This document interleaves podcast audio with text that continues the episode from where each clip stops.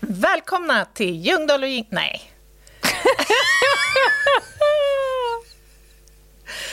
oh, Nej. Varför blir det så här?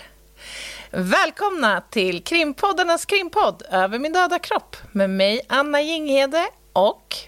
Lena Ljungdahl.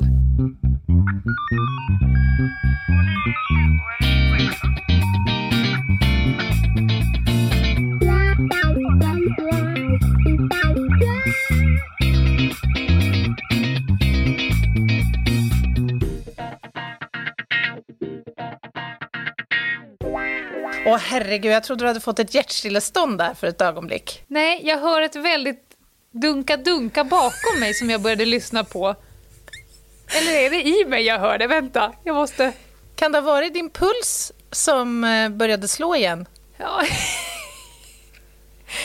Dödsryckning. Det är torsdag. Nu- Ja, nu är det torsdag. Och det betyder krim för hela slanten. Visst gör det det. Och vi har ju utlovat ett fall idag. Det hör inte till vanligheten, men idag Nej. gör vi det ändå.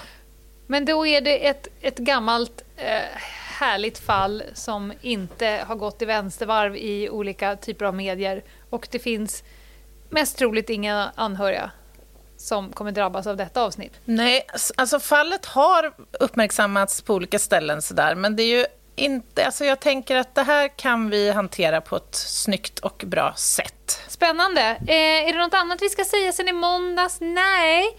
Det har inte dykt upp något särskilt från måndagsspaningen. Den satt som en smäck där den skulle. Den satt som en GT, kan man säga, i en torr strupe en varm sommardag. Nej men vi kör Anna. Vad, men vad, är, det för, vad är det för case? Ja, men idag så tänkte jag att vi skulle kasta oss tillbaka till det svenska 60-talet. Vi befinner oss i Stockholm vid denna tidpunkt. Eh, och vi ska eh, prata om ett fall som sticker ut lite grann. Det har uppmärksammats i olika sammanhang återkommande som ett väldigt spektakulärt fall. Jag tror, utan att jinxa här nu så tror jag att det kan bero på att man kanske kan säga att man är snudd på vid det perfekta brottet här. Alltså, det här är bara liksom små detaljer som resulterar i att det tar en helt annan vändning än vad mördaren hade tänkt sig. Spännande.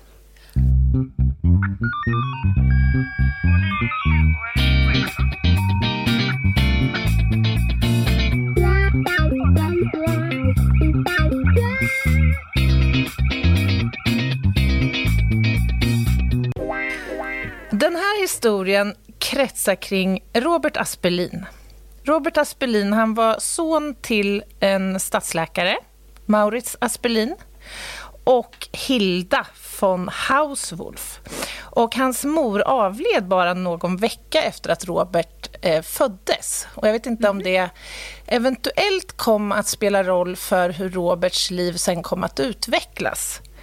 Ehm, Det kan man ju tro. Ja, man kan ju tänka sig att det skulle kunna ha en viss betydelse såklart. Det var nämligen så att Aspelin betraktades lite som en enstöring. Han var känd lite som en avvikare. Han föddes 1893 eh, och eh, han genomförde sin student och tog sin studentexamen.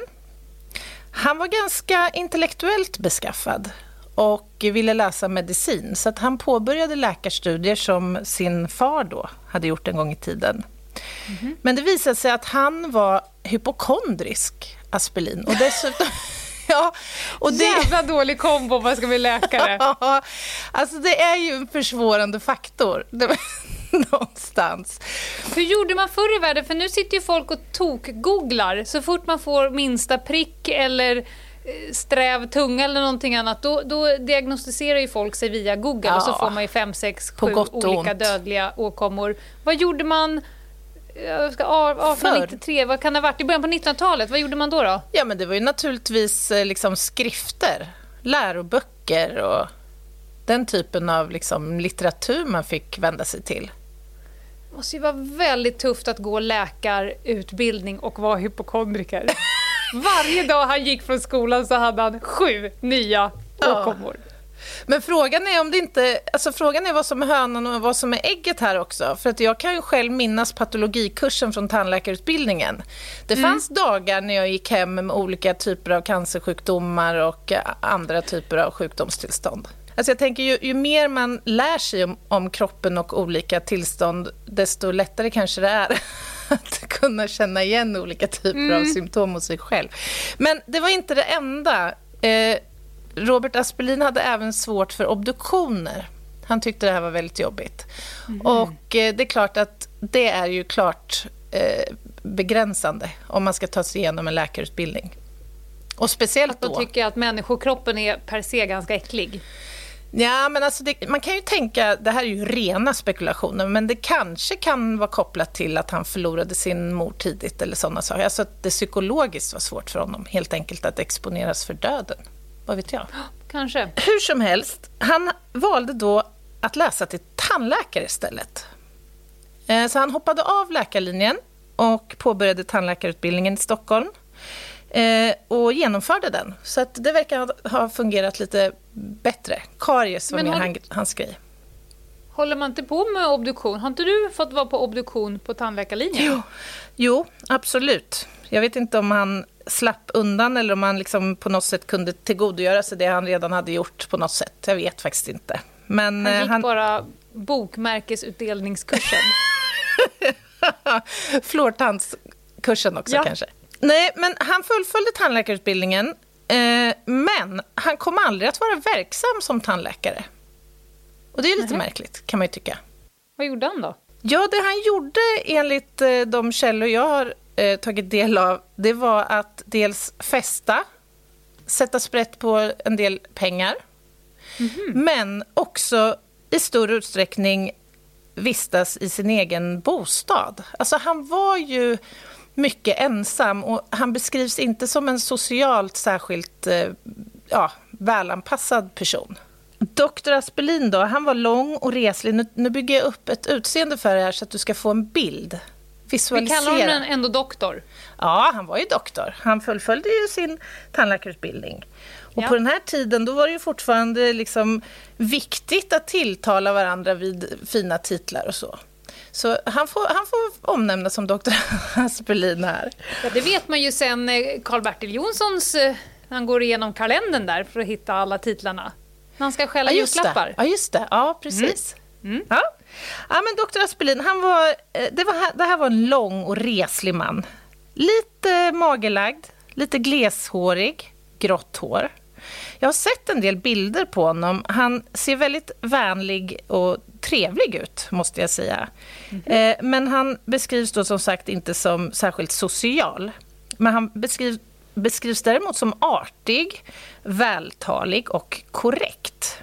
Men han levde då ensam i sin enrumslägenhet och det här var på Brantingsgatan i Stockholm. Tackar, tackar. är det de fina kvarteren? Ja, lite finare. För det är nämligen så att han kom ju då från en ganska förmögen familj. Och nu bar det sig så att han fick då flera arv under sin levnadstid.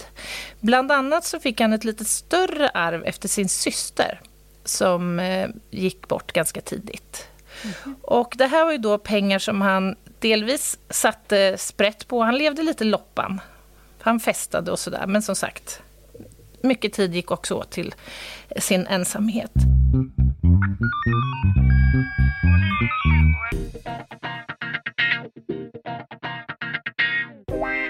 Och nu är vi eh, i början på 60-talet, vårvintern 1962. Här händer någonting kring Aspelin. Han drabbas av depressioner. Mm -hmm. eh, han hade planer på att resa utomlands och göra lite såna här olika typer av projekt. Men han, mådde in, han var inte vid god psykisk hälsa. Eh, och samma vår, 1962, då skulle han fira 50-årsjubileet av sin eh, studentexamen. Eh, och det här skulle utspela sig på Hasselbacken. Och det är lite lustigt, mm. för att på Hasselbacken så firade jag min tandläkarexamen. Jaha. ja, vilket märkligt sammanträffande. Är det en slump eller är, är tandläkarstudenten alltid där? Nej, men det här uppfattade jag var hans eh, vanliga så att säga, studentexamen och inte hans tandläkarexamen. Nej. Men det är ett märkligt sammanträffande ändå ju. Jaha. Att han trots allt skulle fira sin examen där också. Enligt uppgift så skulle Aspelin, han hade åtagit sig att han skulle stå för underhållningen på den här festen. Så att han verkar ju ha varit ganska eh, Jag begå... tänkte säga han festar men vill vara ensam och sen så är han enstöring men vill vara party Ja. eller klassens clown. Ja, jag, jag har inte heller riktigt Och så fått lite ihop... depp på det. Ja, men precis. Jag har inte heller riktigt fått ihop bilden, men jag uppfattar honom som liksom väldigt eh, rik ändå på kunskap. Alltså, han Mm. kunde både spela piano och sjunga och som sagt, han har tagit sig igenom ganska många års eh, studier trots allt. Även om han sen valde att inte praktisera sitt yrke. Så, ja. En intressant Mm. personlighet, onekligen. Men Studentskivan drog igång. Alla satt och väntade på underhållningen. Men Dr. Aspelin dök inte upp. Det var tråkigt. Ja. och man blir lite fundersam då. Varför gör han inte det när han nu har lovat att stå för fiolerna? höll jag på att säga. Bokstavligen. ja. Eh, men veckorna går. Man, man eh, får inte tag på Aspelin. Veckorna går och en månad senare ungefär så gör då hans kurskamrater en polisanmälan. Mhm. Mm. Ja, det, det, det var ju på tiden. Och hur lång tid... Då vill man ju veta, för, från att polisanmälan har gjorts, när sågs han vid liv senast? Hur lång Ja. tid har... När, hur länge kan han ha varit borta slash död? Mm. Alltså när man då börjar fråga runt i hans krets så visar det sig att han hade inte setts till sedan påskdagen samma år. Alltså påskdagen 1962. Ja, då har han varit borta i alla fall drygt två månader. Mm. Ja, visst har han det. Det är ett stort sökområde, tänker jag. Ja, precis. Hur tänker du, Lena? Var, alltså, var, hur skulle man börja här? N- när det kommer in en, en anmälan om att någon är försvunnen, alltså att man, om man då ska göra en efterlysning, brukar man säga att liksom första 24 timmarna är ju skitviktiga. Eh, och ju längre tid det går desto eh, svårare är det ju rent spårmässigt. Men det blir också konstigare och konstigare. Och nu har han varit borta i ja, drygt två månader. Påsk till i slutet av juni, tre månader. Eh, det, det blir mörkare och mörkare, helt enkelt. Man undrar också varför ingen har saknat honom innan. Ska, ska studiekompisarna vara de som saknar honom först? Känns ju lite deppigt. Ja, det är ju deppigt. Men det kanske säger lite grann om hur han är som person. Jag menar, det här, han är ju eh, ganska gammal vid det här laget trots allt. Jag menar, har han etablerat sig i en sån här livsstil så kan det ju tänkas att han har inte något större socialt Nej. nätverk helt enkelt. Och det var ju vi inne på dödavsnittet. Både du och jag har ju varit på ställen, eh, såna klassiska lägenhetsundersökningar, alltså när man hittar avlidna personer. Eh, och det, det pratar vi om i dödavsnittet, det är väldigt deppigt att man kan ligga hemma och dö och ligga månad på månad på månad. Eh, hyran kanske betals eh, automatiskt eh, utan att det finns en enda person som eh, saknar den. Ja, nej men alltså det är ju... Ja. Det är ju oerhört, oerhört deppigt. Men jag tänkte Ja. också på en annan grej här, för vi får ju ofta frågan så här, om, om man anmäler en person eh, försvunnen, när kommer polisen reagera? När kommer de liksom utgå från att den här personen har utsatts för ett brott? Och det går ju inte att ge ett generellt svar på Nej. den frågan. Det kan vara allt från att en eh, Säg att en förälder ringer och säger att mitt barn är försvunnet och det skulle vara vid den här tidpunkten, vid den här platsen, vi hade koll. Då kommer polisen reagera på en sekund. Till andra där det är lite diffusa ingångsvärden, man har inte så mycket att gå på. Det går egentligen inte att säga att personen har försvunnit. Det är ju, då kan man ju kanske vänta en liten stund och se om det kanske löser sig automatiskt. Så det går ju inte att ge ett generellt svar. Nej, och vi vet ju att de allra flesta försvinnanden faktiskt sker på frivillig grund ju. Mm. Så är det ju. Men sen gäller det, det är ju en utmaning här. Att se Mm. de här signalerna så fort som möjligt just för att liksom, tiden inte ska ticka på, precis som du var inne på. Men till exempel alla de här anmälningarna som kommer från såna här demensboenden och så. Ja, men nu, nu har Lisa-Britta de här så kallade vandrarna, de som hela tiden vill vara i rörelse och, och hoppa ut genom fönster, fönstret och, och drar. Mm. Som hundraåringen som ja. försvann. Då vill det till sig att man börjar söka ganska tidigt för att de här eh, tantalurarna och gubbarna de kan ju komma ganska långa sträckor med tanke på att det inte går att se på dem att de inte ja. ska vara Men herregud. Eh, ute och fladdra. Det gäller ju barn också. Ja. Ta en fem åring som tultar iväg. Alltså, mm. det går undan.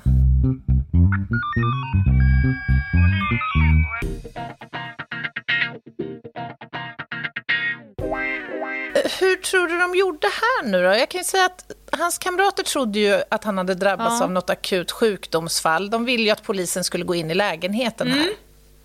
Ja, det är väl en, en, rimlig början, att man försöker kontakta den här personen på de kontaktvägar man har.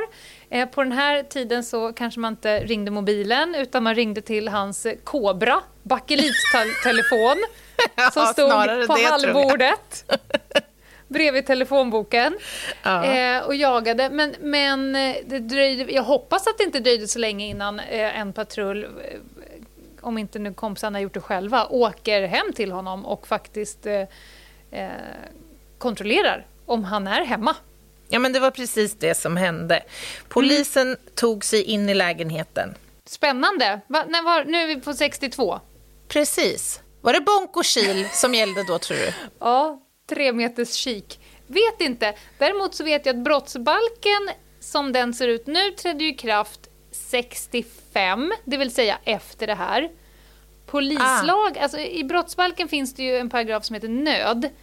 Om mm. det är mm. fara för, för liv eller hälsa, då kan man ju liksom, försöka ta, ta sig in i ställen där man egentligen inte får ta sig in om man nu tror att det är någon där inne som är, befinner sig i nöd. Mm. Polisen brukar använda sig av någonting som heter polislagens 21 paragraf.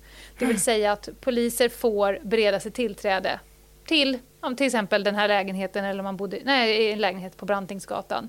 Mm. Om de har anledning att anta att det finns någon där inne som är avlidit eller är medvetslös eller oförmögen att tillkalla hjälp. Mm. Det är bara att polislagen trädde i kraft 1984 Typiskt. Jag vet inte. Alltså, typiskt, så då står det där än. Nej. Jag tänker att det fanns en annan paragraf. Det finns ja. väl legalitetsprincipen även på 60-talet. De har i alla fall berett sig tillträde då, då med någon form av lagstöd. Ja, men precis. Och de tog sig då in i lägenheten. Mm. Eh, och det de fann var eh, egentligen ingenting som kunde väcka någon idé om var Dr. Aspelin fanns. Det var stökigt och det var skräpigt. Men Robert Aspelin fanns inte i lägenheten. Ehm, det såg däremot ut som att han i princip hade gått ut bara. Liksom lämnat mm. bostaden för att uträtta ett mm. ärende och sen gått upp i rök i princip. Här ser jag en svårighet direkt, mm. utredningsmässigt.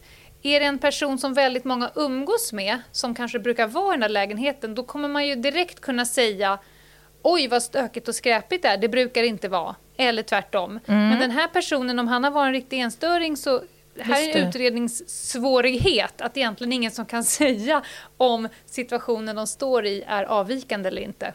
Ja, just det. det är ju mm. riktigt. De hittade en väggalmanacka. Ja. Eh, och när de tittade på den här eh, och tittade på alla, för det fanns rikligt med anteckningar i denna, mm. eh, så förstod de, eller de kunde utläsa att efter liksom påskdagen så fanns det inte eh, några noteringar. Så de drog slutsatsen att han måste ha försvunnit någon gång där runt påsk, mm. helt enkelt. Okay. Eh, och det här var ju då ett antal veckor senare, så att här nu börjar man ju ana ugglor i mossen. Som man säger. Om man vill uttrycka sig lite modernt. Modernt. Eh, ja. så att man, man drog helt enkelt igång en polisutredning. Men man hanterar ju det här nu då först och främst som ett frivilligt eh, försvinnande. Man har ju liksom ingenting konkret som talar för att Dr. Aspelin skulle ha bragts om livet. Så fortfarande så hanteras det som ett frivilligt försvinnande, även om man nu börjar lägga lite krut på det hela. Ska vi stanna lite vid det, Anna? Alltså, ja. Vad är det som gör att man skulle kunna redan här utreda det som att han har blivit utsatt för ett brott kontra att man valde frivilligt försvinnande? Vad är det liksom polisen eh, ha som beslutsunderlag för vilken väg man ska gå? Det är lite olika saker. Ja, nu vet inte om du far efter något specifikt, men jag tänker att om man nu hade funnit tecken i bostaden på mm. att han skulle ha utsatts för ett brott, till exempel. Jag mm. menar, i, idag hade man ju kanske försökt med IT-relaterade utredningsåtgärder eller i sociala medier, sett vad man har kunnat hitta i kommunikationsväg och så. Men jag menar, mm. vid den här tidpunkten, ja, jag, jag, kan tänka mig om man hade funnit blod eller någonting sånt i hans bostad, då hade man kanske slagit på stora trumman direkt, till exempel. Mm. Eller om man hade haft en utpekad person eller vittne som hade kunnat lämna uppgifter. Vad tänkte du på, ja, Lena?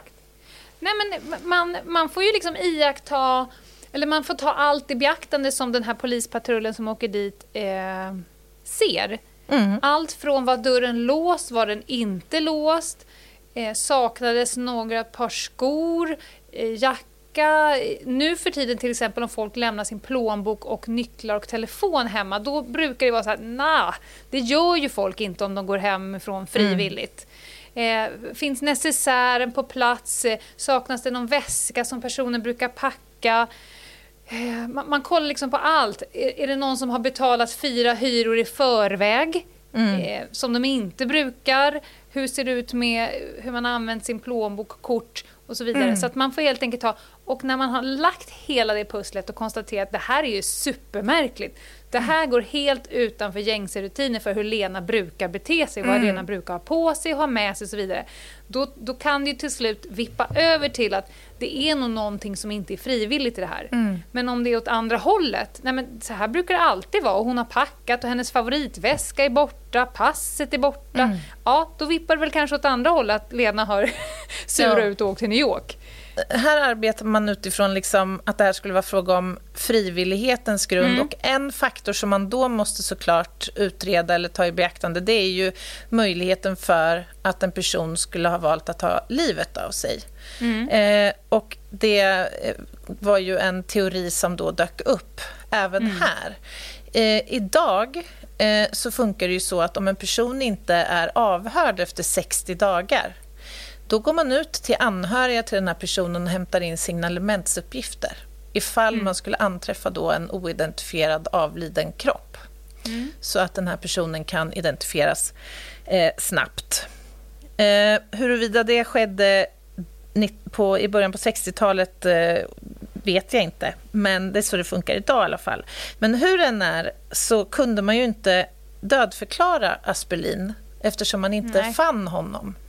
Anna, gör man mm. inte det till slut på människor nu för tiden? Hur lång jo. tid ska det gå innan man till slut ändå blir dödförklarad? Ja, men det här är en lagstiftning som har ändrats lite grann eh, fram och tillbaka genom åren. Det har länge varit tio års regel som gäller mm. för att man ska kunna få dödförklara. Efter tsunamikatastrofen så ändrades den här lagstiftningen. Eh, och då blev de nya bestämmelserna såna att om man kunde visa eller påvisa att en människa hade befunnit sig på en plats och där någonting allvarligt hade inträffat mm. och man kunde på något sätt eh, liksom dokumentera det som till exempel tsunamikatastrofen. Ja. Kunde man visa att en person hade varit på en passagerarlista på ett flygplan till Thailand och befunnit mm. sig på platsen så kan man få dödförklara personen tidigare. Och Det här är ju viktigt eftersom man är ju en juridisk person mm. så länge man inte är dödförklarad. Så att alla räkningar kommer ju komma, man kommer finnas med i alla register och framförallt så kommer anhöriga inte få sitt Nej. avslut. Men det man gjorde istället nu då, för att nu hade han ju varit borta eh, så pass länge så att man förstod att han kommer i vart fall inte dyka upp eller komma tillbaka. Man var ganska mm. säker på att han inte längre var i livet, helt enkelt. Så att man tömde hans eh, lägenhet, helt enkelt eh, och magasinerade hans bohag.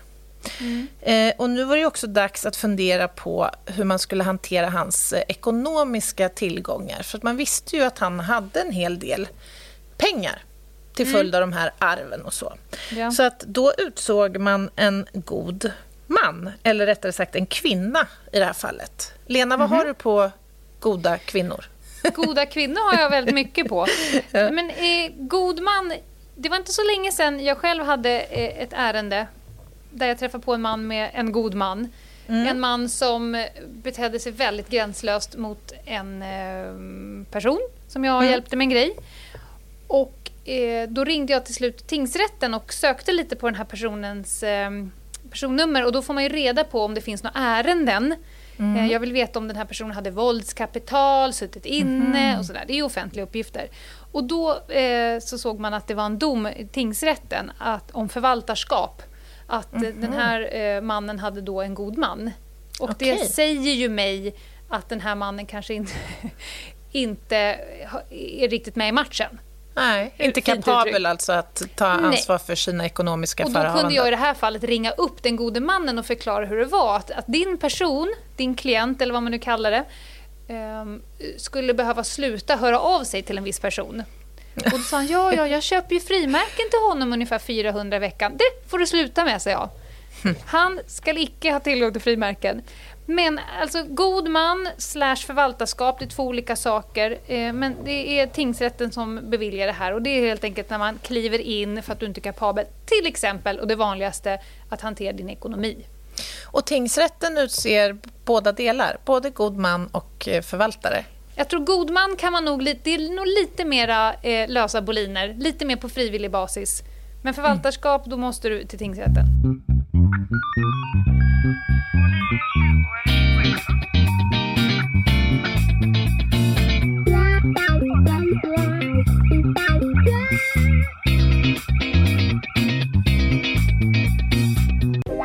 går lite tid här nu då. Eh, och eh, ännu så liksom, alltså det är ju ingen superduper aktivitet i någon form av, eh, ut, i någon form av utredningsavseende här.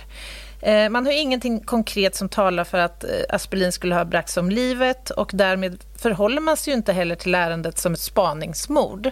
Jag vet Nej. inte, idag Lena, tror du att i ett sånt här fall när tror du, liksom, vad hade fått ett sånt här försvinnande att övergå i en spaningsfas? Går det att ge något enkelt svar på den frågan?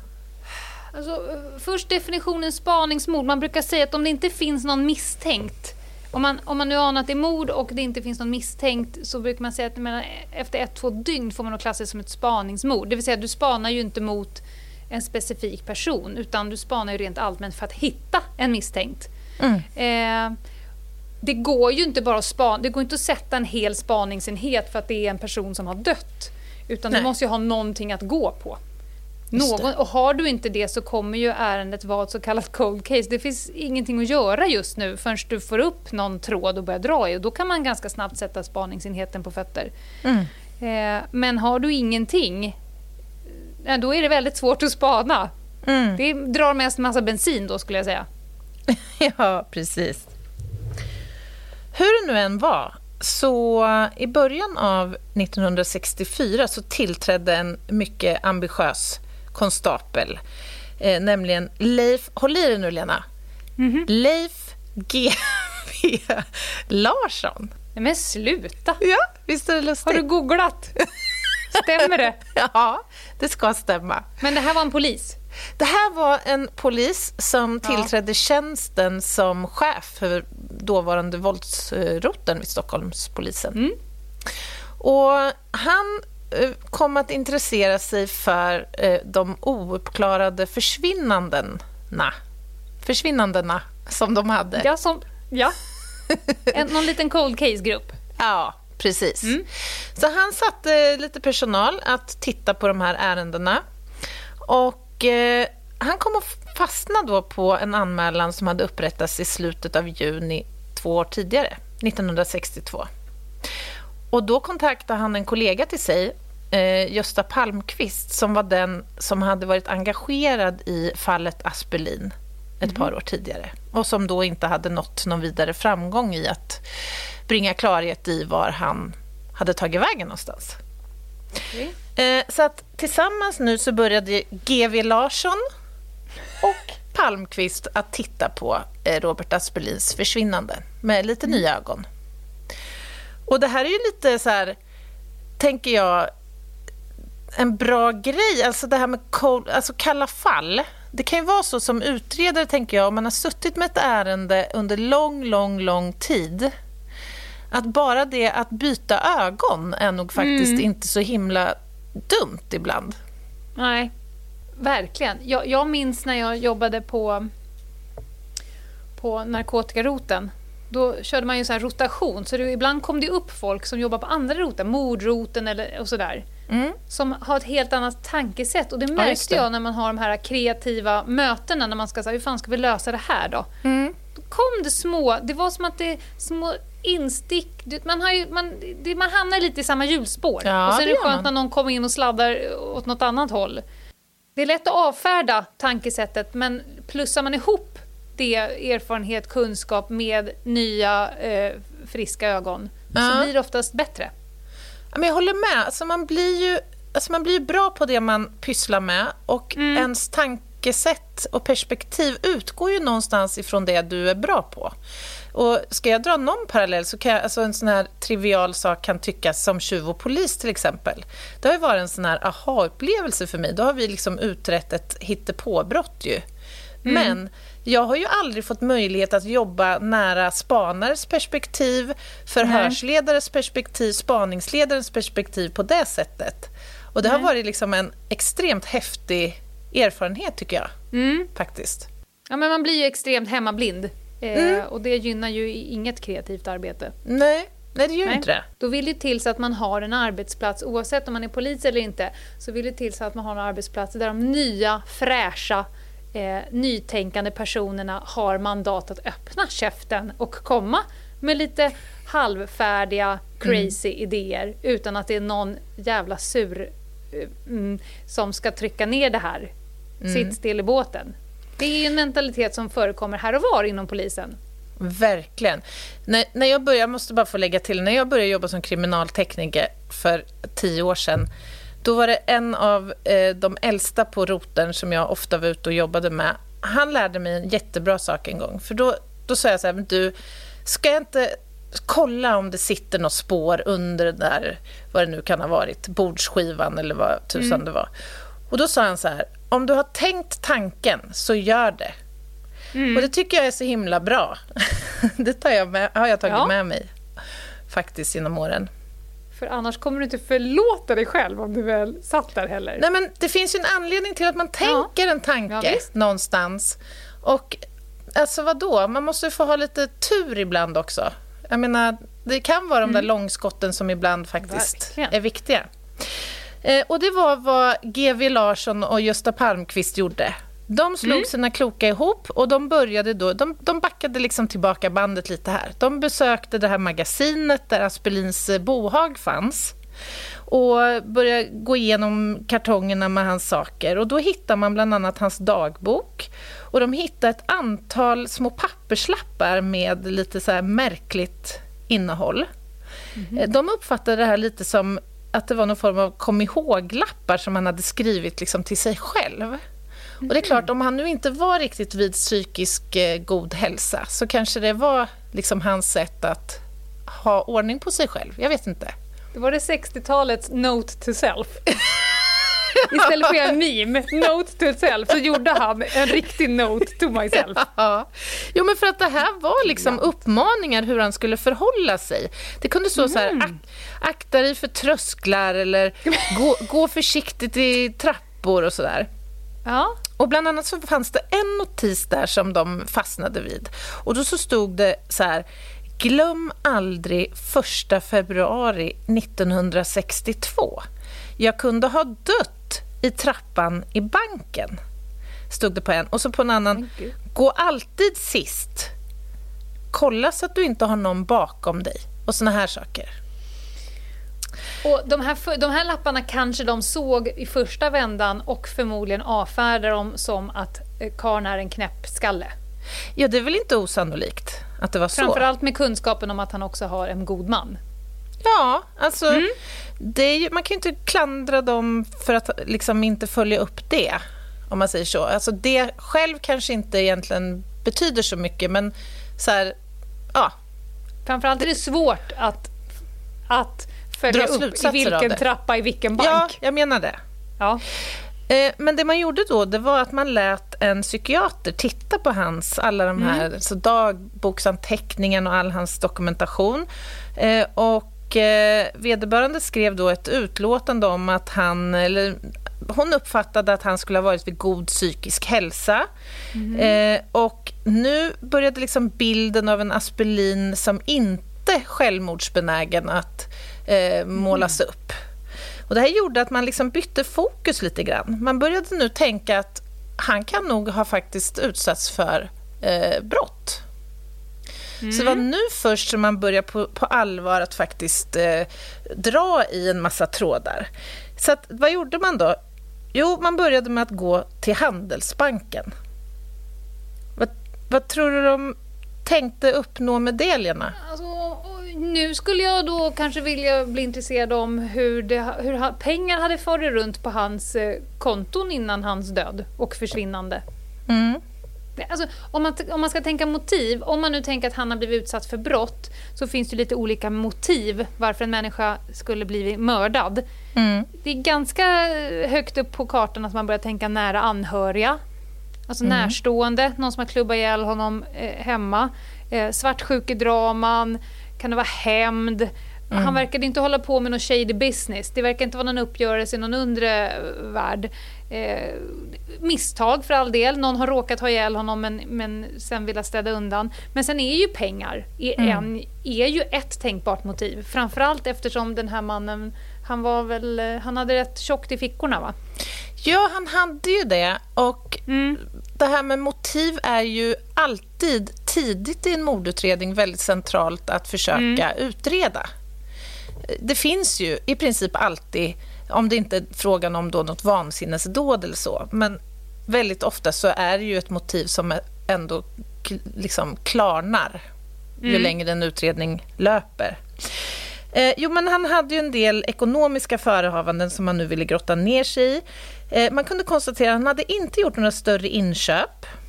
Eh, men de tog kontakt då med hans bankman, Wilhelm Rodius. Eh, och han hade ju då full insyn i sin klients eh, ekonomiska transaktioner och så. Eh, och enligt honom då så hade han sålt alla sina värdepapper. Och han skulle då enligt uppgift ha gjort det sista uttaget precis före han försvann. Och det här tyckte man ju var lite märkligt, för var skulle då pengarna ha tagit vägen om han nu inte hade gjort några inköp och inte heller hade några som helst tillgångar hemma eller på andra konton eller sådär?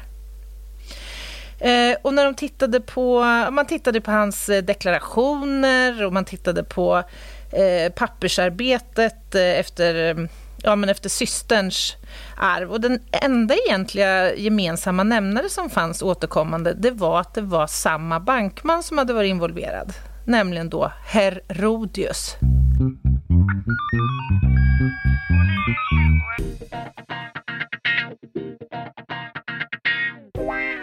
Är det de två konstaplarna som håller på med det här nu? Eller, för nu för tiden har vi ju rätt så schneidiga tillgångsutredare.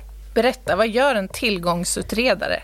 Min erfarenhet, och vi har ju hållit på med ganska grova brott som ger långa fängelsestraff och där de egentligen har tjänat en jävla massa pengar och taxerar i princip noll kronor. Så då har man ju gärna tillgångsutredare med tidigt, tidigt i eh, utredningen och de sätter på sig de stora glasögonen som egentligen bara kollar på pengar. Så att då får man mm. som spanare rapportera in att kör den här bilen och så kollar de liksom vad kostar en sån och den här båten och någon går runt i päls och det är dyra klockor. Så gör de liksom noteringar, kollar upp om personen har skulder, kollar med mm. Kronofogden och sen så egentligen när man går ut på husrannsakan då kan det komma en tillgångsutredare springande och egentligen bara titta i samma hem. Men vilka saker här kan vi förverka? Kan vi helt enkelt sno, sälja och så betala av skulder och skicka tillbaka i statskassan? Mm, jag förstår. Och de är ju liksom på sidan av poliser, åklagare, skattejurister och så vidare. Duktiga. Men det här är intressant för att man kanske inte tänker på det, men vissa frågeställningar som kan dyka upp i en utredning eller vissa typer av grova mm. brott kan ju handla om väldigt så specifika och komplexa sakfrågor. Mm. Det här med att utreda ekonomiska transaktioner, det är ju extremt komplext. Det är ju ingen liksom, vanlig eh, utredare på krim som normalt Nej. besitter den kompetensen.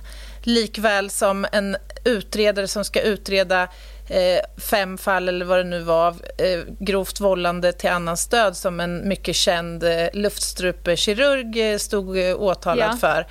Alltså man kan ju inte förvänta sig att det är kunskap som, som vem som helst besitter.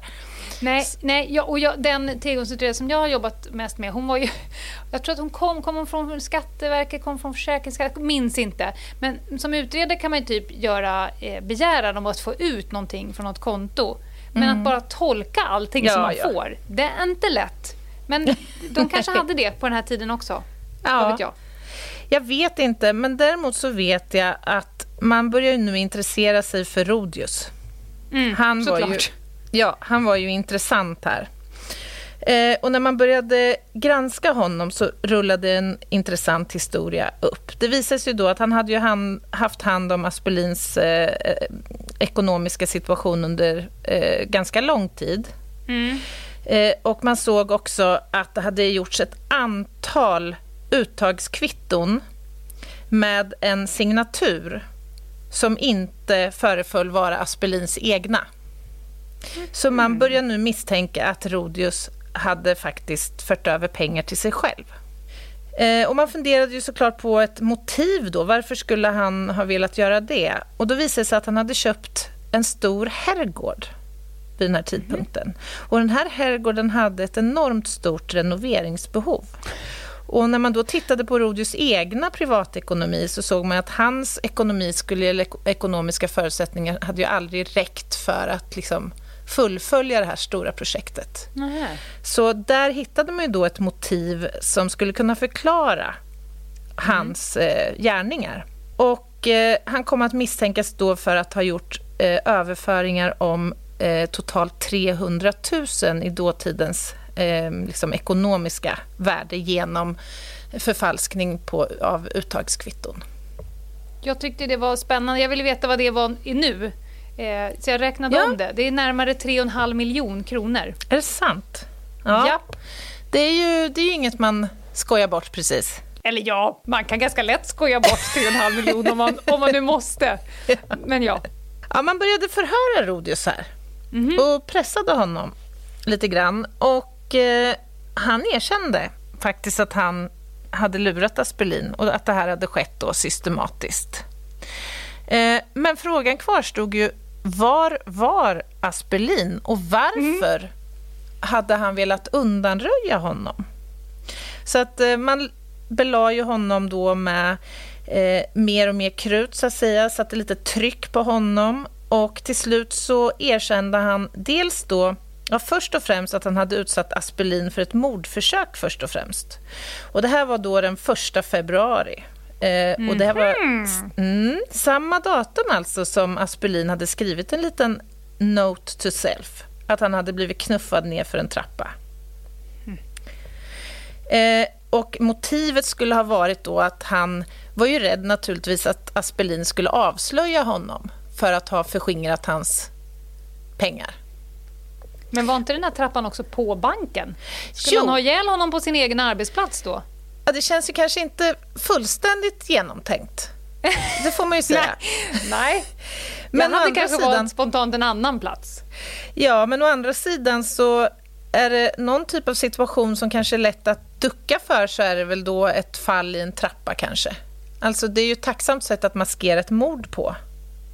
Men den goda Aspelin avled ju inte av fallet även om han fick krossskador av, mm. eh, av det.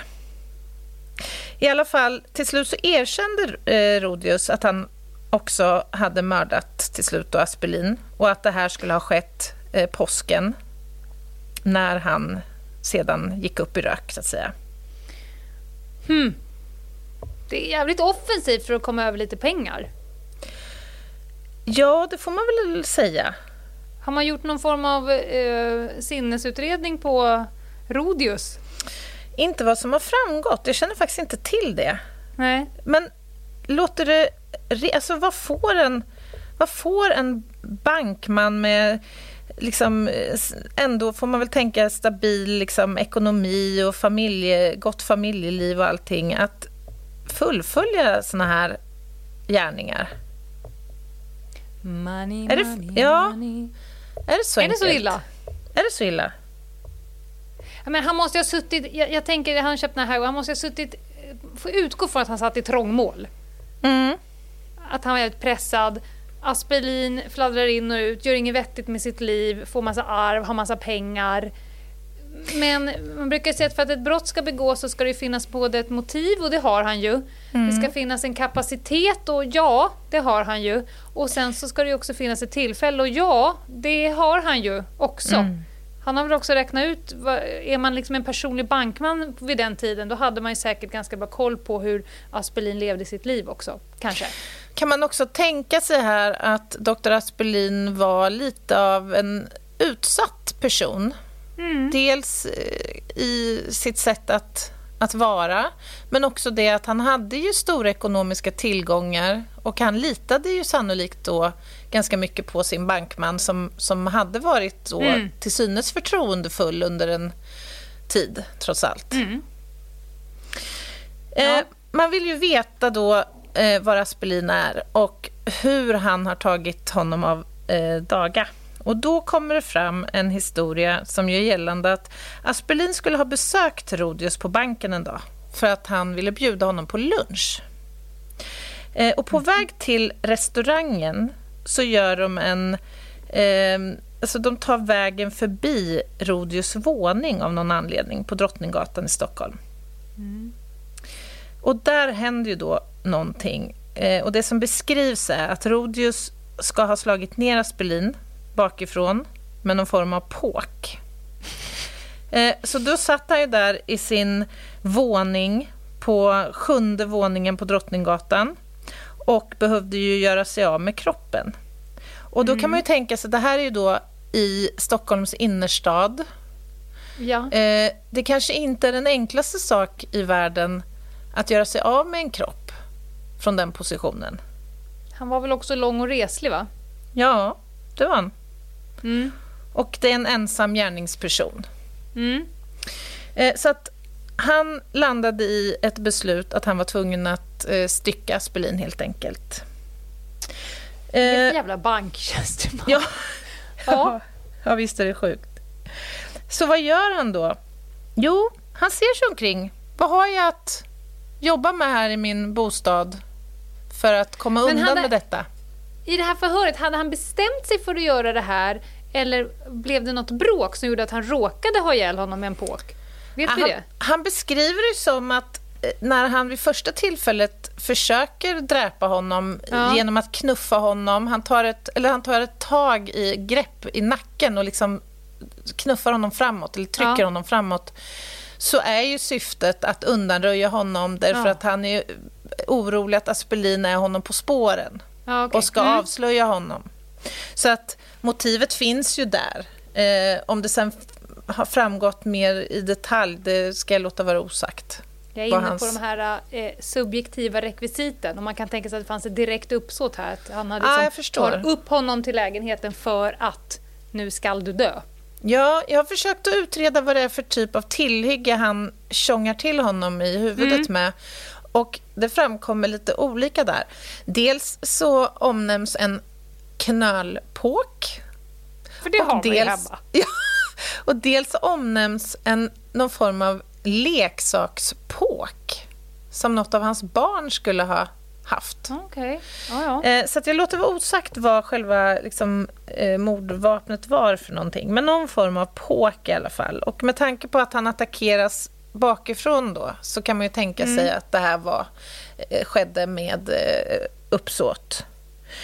Han behövde göra sig av med kroppen och det enda sättet blev nu att stycka honom. Så att han mm. släpper mm. in kroppen då i badrummet där han först eh, avlägsnade huvudet. Ja. Eh, men där är ju liksom bara en del av eh, jobbet gjort. Han var ju tvungen att undanröja kroppen fullständigt mm. här. Eh, och i den här stora våningen så fanns det tre kakelugnar. Det var så ju lämpligt. Ja, ja, det kan man ju tänka. Så att han började med att eh, dela upp eh, Aspelin i mindre portioner och helt enkelt elda upp dem. Ja. Och det här ska enligt hans egna uppgifter ha tagit mellan tre och fyra timmar. Då får man betänka att han var ensam om att utföra det här. Eh, ja. Och man kan ju också tänka i en stor våning då. Man ska fördela de här delarna på tre kakelugnar som kanske stod då i, låt säga, varsitt hörn i våningen och kanske en centralt placerad. Oh. Så måste det ha varit ett enormt eh, jättedebacle för honom att springa fram Ja. och tillbaka med det här. Man måste jobba på. Ja, och Bara att stycka kroppen tar ju tid. Ja, men verkligen. Och sen då att inte heller lämna spår efter sig. Det måste jag... Kan vi bara, liksom... jag måste backa. Kan vi bara prata om att du uttryckte det som att dela upp kroppen i portioner? Är det ett uttryck som man använder sig av? Ja, men det tycker jag väl är liksom medicinskt förenligt. Ja, okej.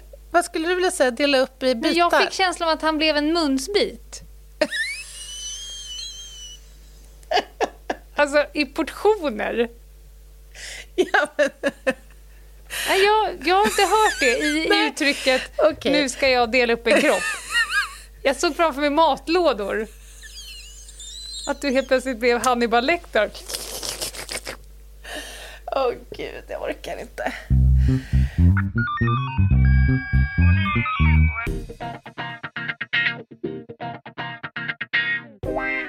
Det blir ju en del restprodukter när man eldar i en kamin naturligtvis. Aska och sådär. Och vissa saker eh, valde han att inte elda, som inälvorna till exempel. Så att de spolade han ner i toaletten, tarmpaketet och lever och allt möjligt gick ner i toaletten.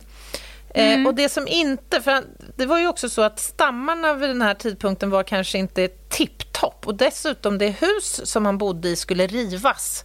Så att han, eh, om han inte vågade eller om det helt enkelt blev liksom stopp, eh, förtäller inte historien, men delar av eh, den kära Aspelins inälvor fick för, förpassas till soptunnor ute på, på gården tillsammans med lite Vad förvånad. Röris skulle bli om Röris skulle komma och hjälpa till eh, hyresgästen med att eh, få, till ett, få bort stopp i avloppet. Ja. Tömmer vattenlåset och det kommer ut en njure, Ja, en Gud. lever och en tunntarm. det är otroligt obehagligt. Men när ju. du sa elda upp, om jag tar eh, hårddelarna, för nu har jag spolat ner mjukdelarna, men hårddelarna, Mm.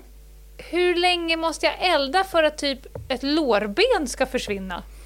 Ja, men det är mycket fråga om dels alltså, hur hög värme du kan utveckla i Ja. eh, kakelugnen.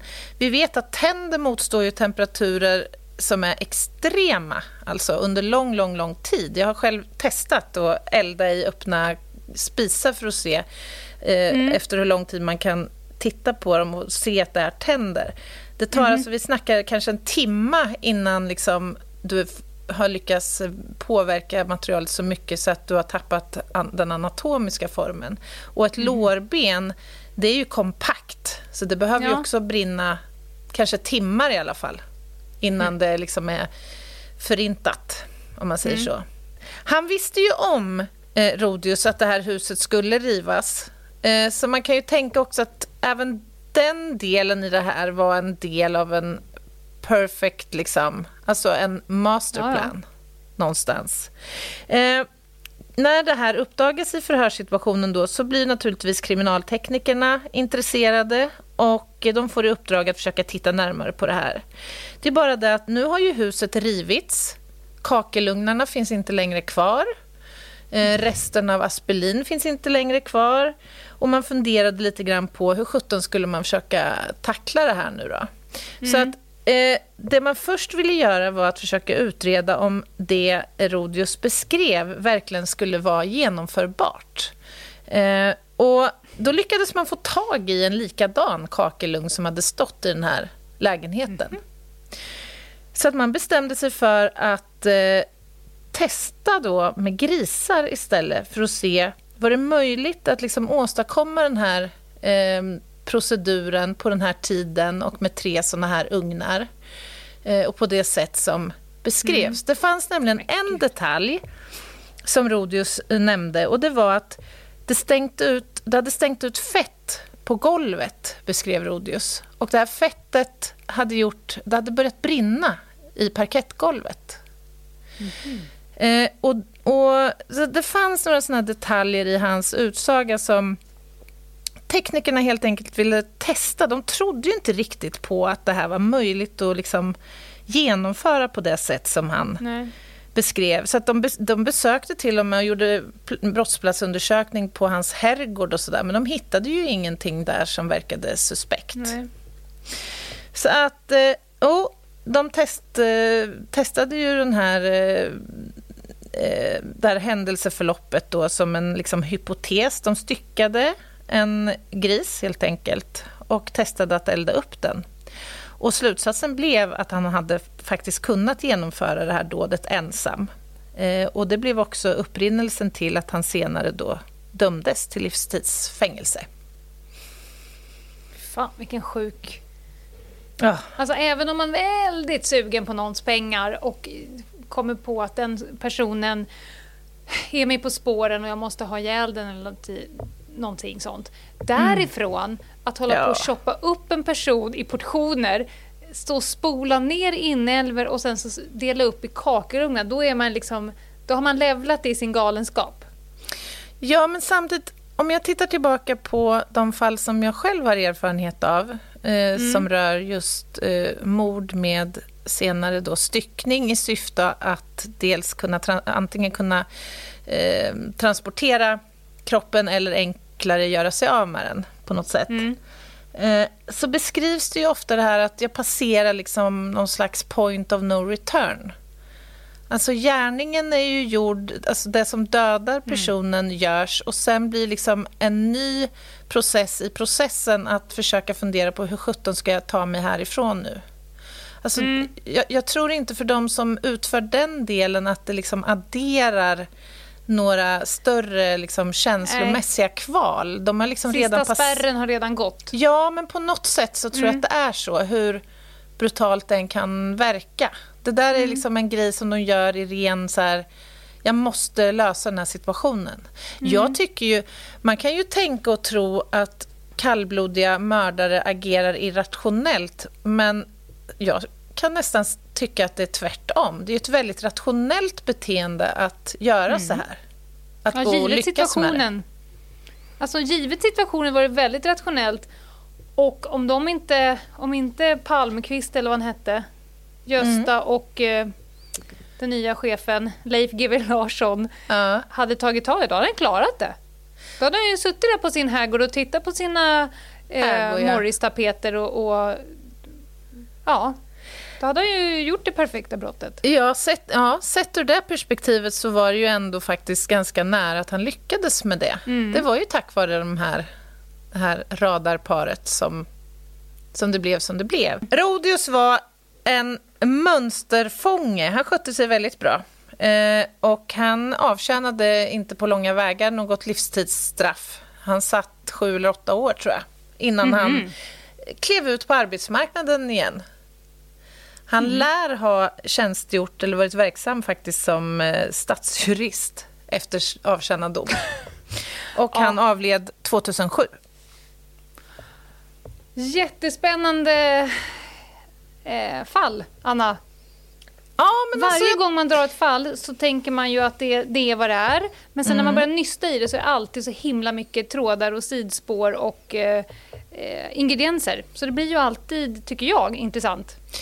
Ja, och för ändå. min del tycker jag, kriminaltekniskt tycker jag det är faktiskt ganska intressant att läsa på lite hur man jobbade förr. För att jag tänker så här, för 17 vad man måste ha fått liksom koka soppa på en spik ibland för att liksom få klarhet i och kunna rekonstruera ett händelseförlopp. Jag menar, idag har vi ju hur mycket olika tekniska möjligheter som helst. Jag menar, tänk bara då, de hade ju ingen DNA-teknik eller flashiga lampor eller kemiska förprövningsmedel som kunde visa om det fanns blod på föremål eller sådär. Det är intressant. Och säkert hade man metoder då som kanske hamnat lite träda idag men som man skulle kunna använda ändå, igen, vid vissa tillfällen. Absolut. Där de nya flashiga teknikerna inte funkar lika bra. Då får man gå back to basics. Ja, och en sak som jag tycker är väldigt intressant med det här ärendet eh, som också är ganska unikt, det är ju att här lyckades man faktiskt åstadkomma eh, en fällande dom utan att kroppen anträffades. Och det är ju väldigt ovanligt. Bra jobbat! Ska vi runda av den här torsdagen då? Det tycker jag. Det var det. Och eh, snart är det helg och då är det live på lördag, kvart över elva på Instagram. Och Jajamän. sen är det måndag igen. Måndag hela veckan. Och då är det veckans spaning. Får vi se vad Meta Broddare bjuder på. Spännande. Hur når man oss, Anna? Ja, men tills dess, varför inte slira förbi på Ljungdahl och Ginghede på Instagram eller mejla oss, ljungdahloginghede.gmail.com. Ha det bra tills dess. Ha det gott! Hej Bye, då! bye!